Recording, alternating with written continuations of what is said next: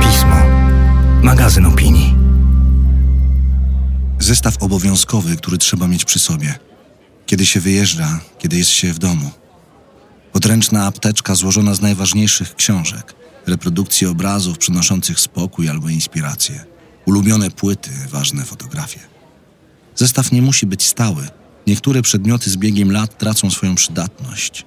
To, co kiedyś w nich odnalezione, dziś niczego nie tłumaczy. Straciło moc. Niektóre przedmioty zostają na dłużej. Może na zawsze. Mateusz Rezler. Apteczka. Co w niej trzyma Tomasz Armada. Czyta Leszek Zduń. Artystyczny potencjał uwagi. Twórczość Tomasza Armady łączy się na styku kilku pozornie niezwiązanych ze sobą dziedzin kultury. Sam przewrotnie tytułuje się antykrólem polskiej mody. Do tej pory zdążył już być studentem łódzkiej ASP, projektantem ubioru, kostiumografem i performerem. Nie udało mu się za to zostać prawnikiem, co miał w planach, zanim na jego horyzoncie pojawili się popkulturowi outsiderzy. Najpierw Lady Gaga w swoich teatralnych kreacjach, chwilę później ich twórca, Alexander McQueen i jego eksperymentalne pokazy widowiska. Angażując się w kolejne projekty, podobnie jak jego nastoletni idole, Armada stara się nie powielać sprawdzonych trików. To właśnie ciągłe eksperymentowanie i wymyślanie siebie na nowo jest dla niego największym źródłem twórczych bodźców. Choć inspiracji mu stale przybywa, jego podręczna apteczka od dłuższego czasu pozostaje w niezmienionym kształcie.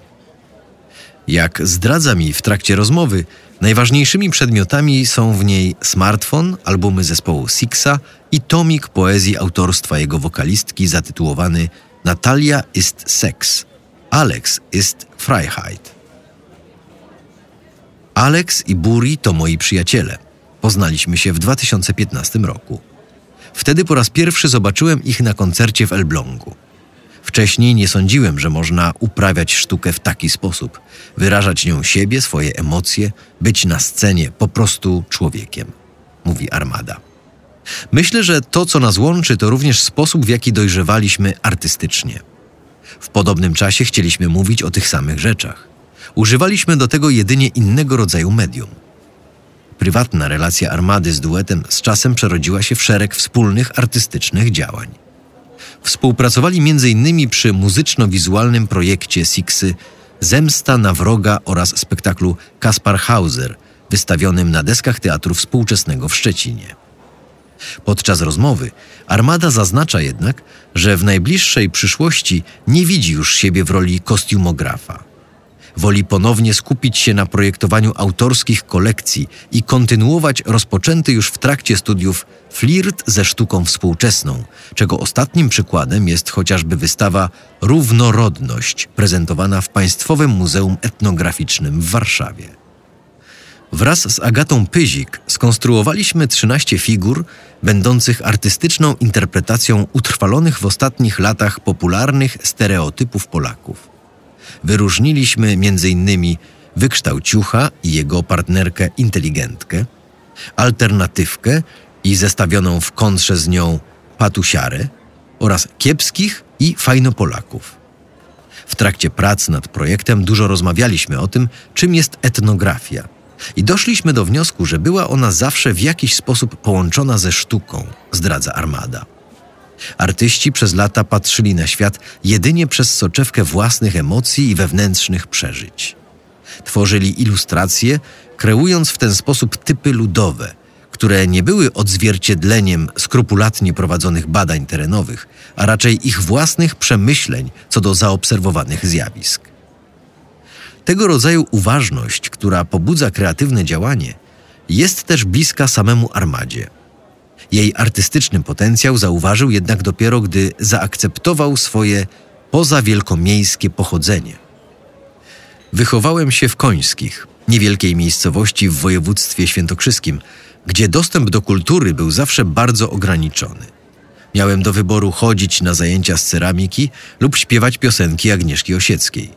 Nie wiedziałem nic o sztuce, a modę kojarzyłem jedynie z teledyskami Gagi. Długo wstydziłem się swoich braków, przyznaję szczerze. Z czasem dotarło do mnie jednak, że takie dystansowanie się nie ma sensu, bo miejsce, z którego pochodzę, zawsze pozostanie częścią mojej tożsamości.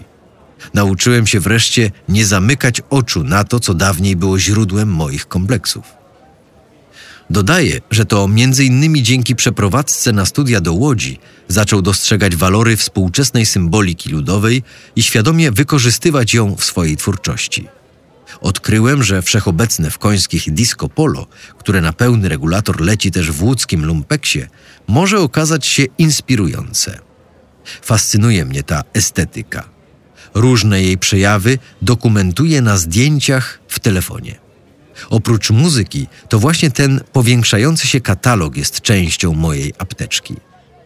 Mimo, że jego kulturalny niezbędnik od kilku lat pozostaje taki sam, to właśnie ciągła zmiana i jej skutki okazują się głównym tematem naszej rozmowy. Armada, jak mówi, nie urządza wielu sentymentalnych wędrówek. Woli bacznie obserwować świat wokół.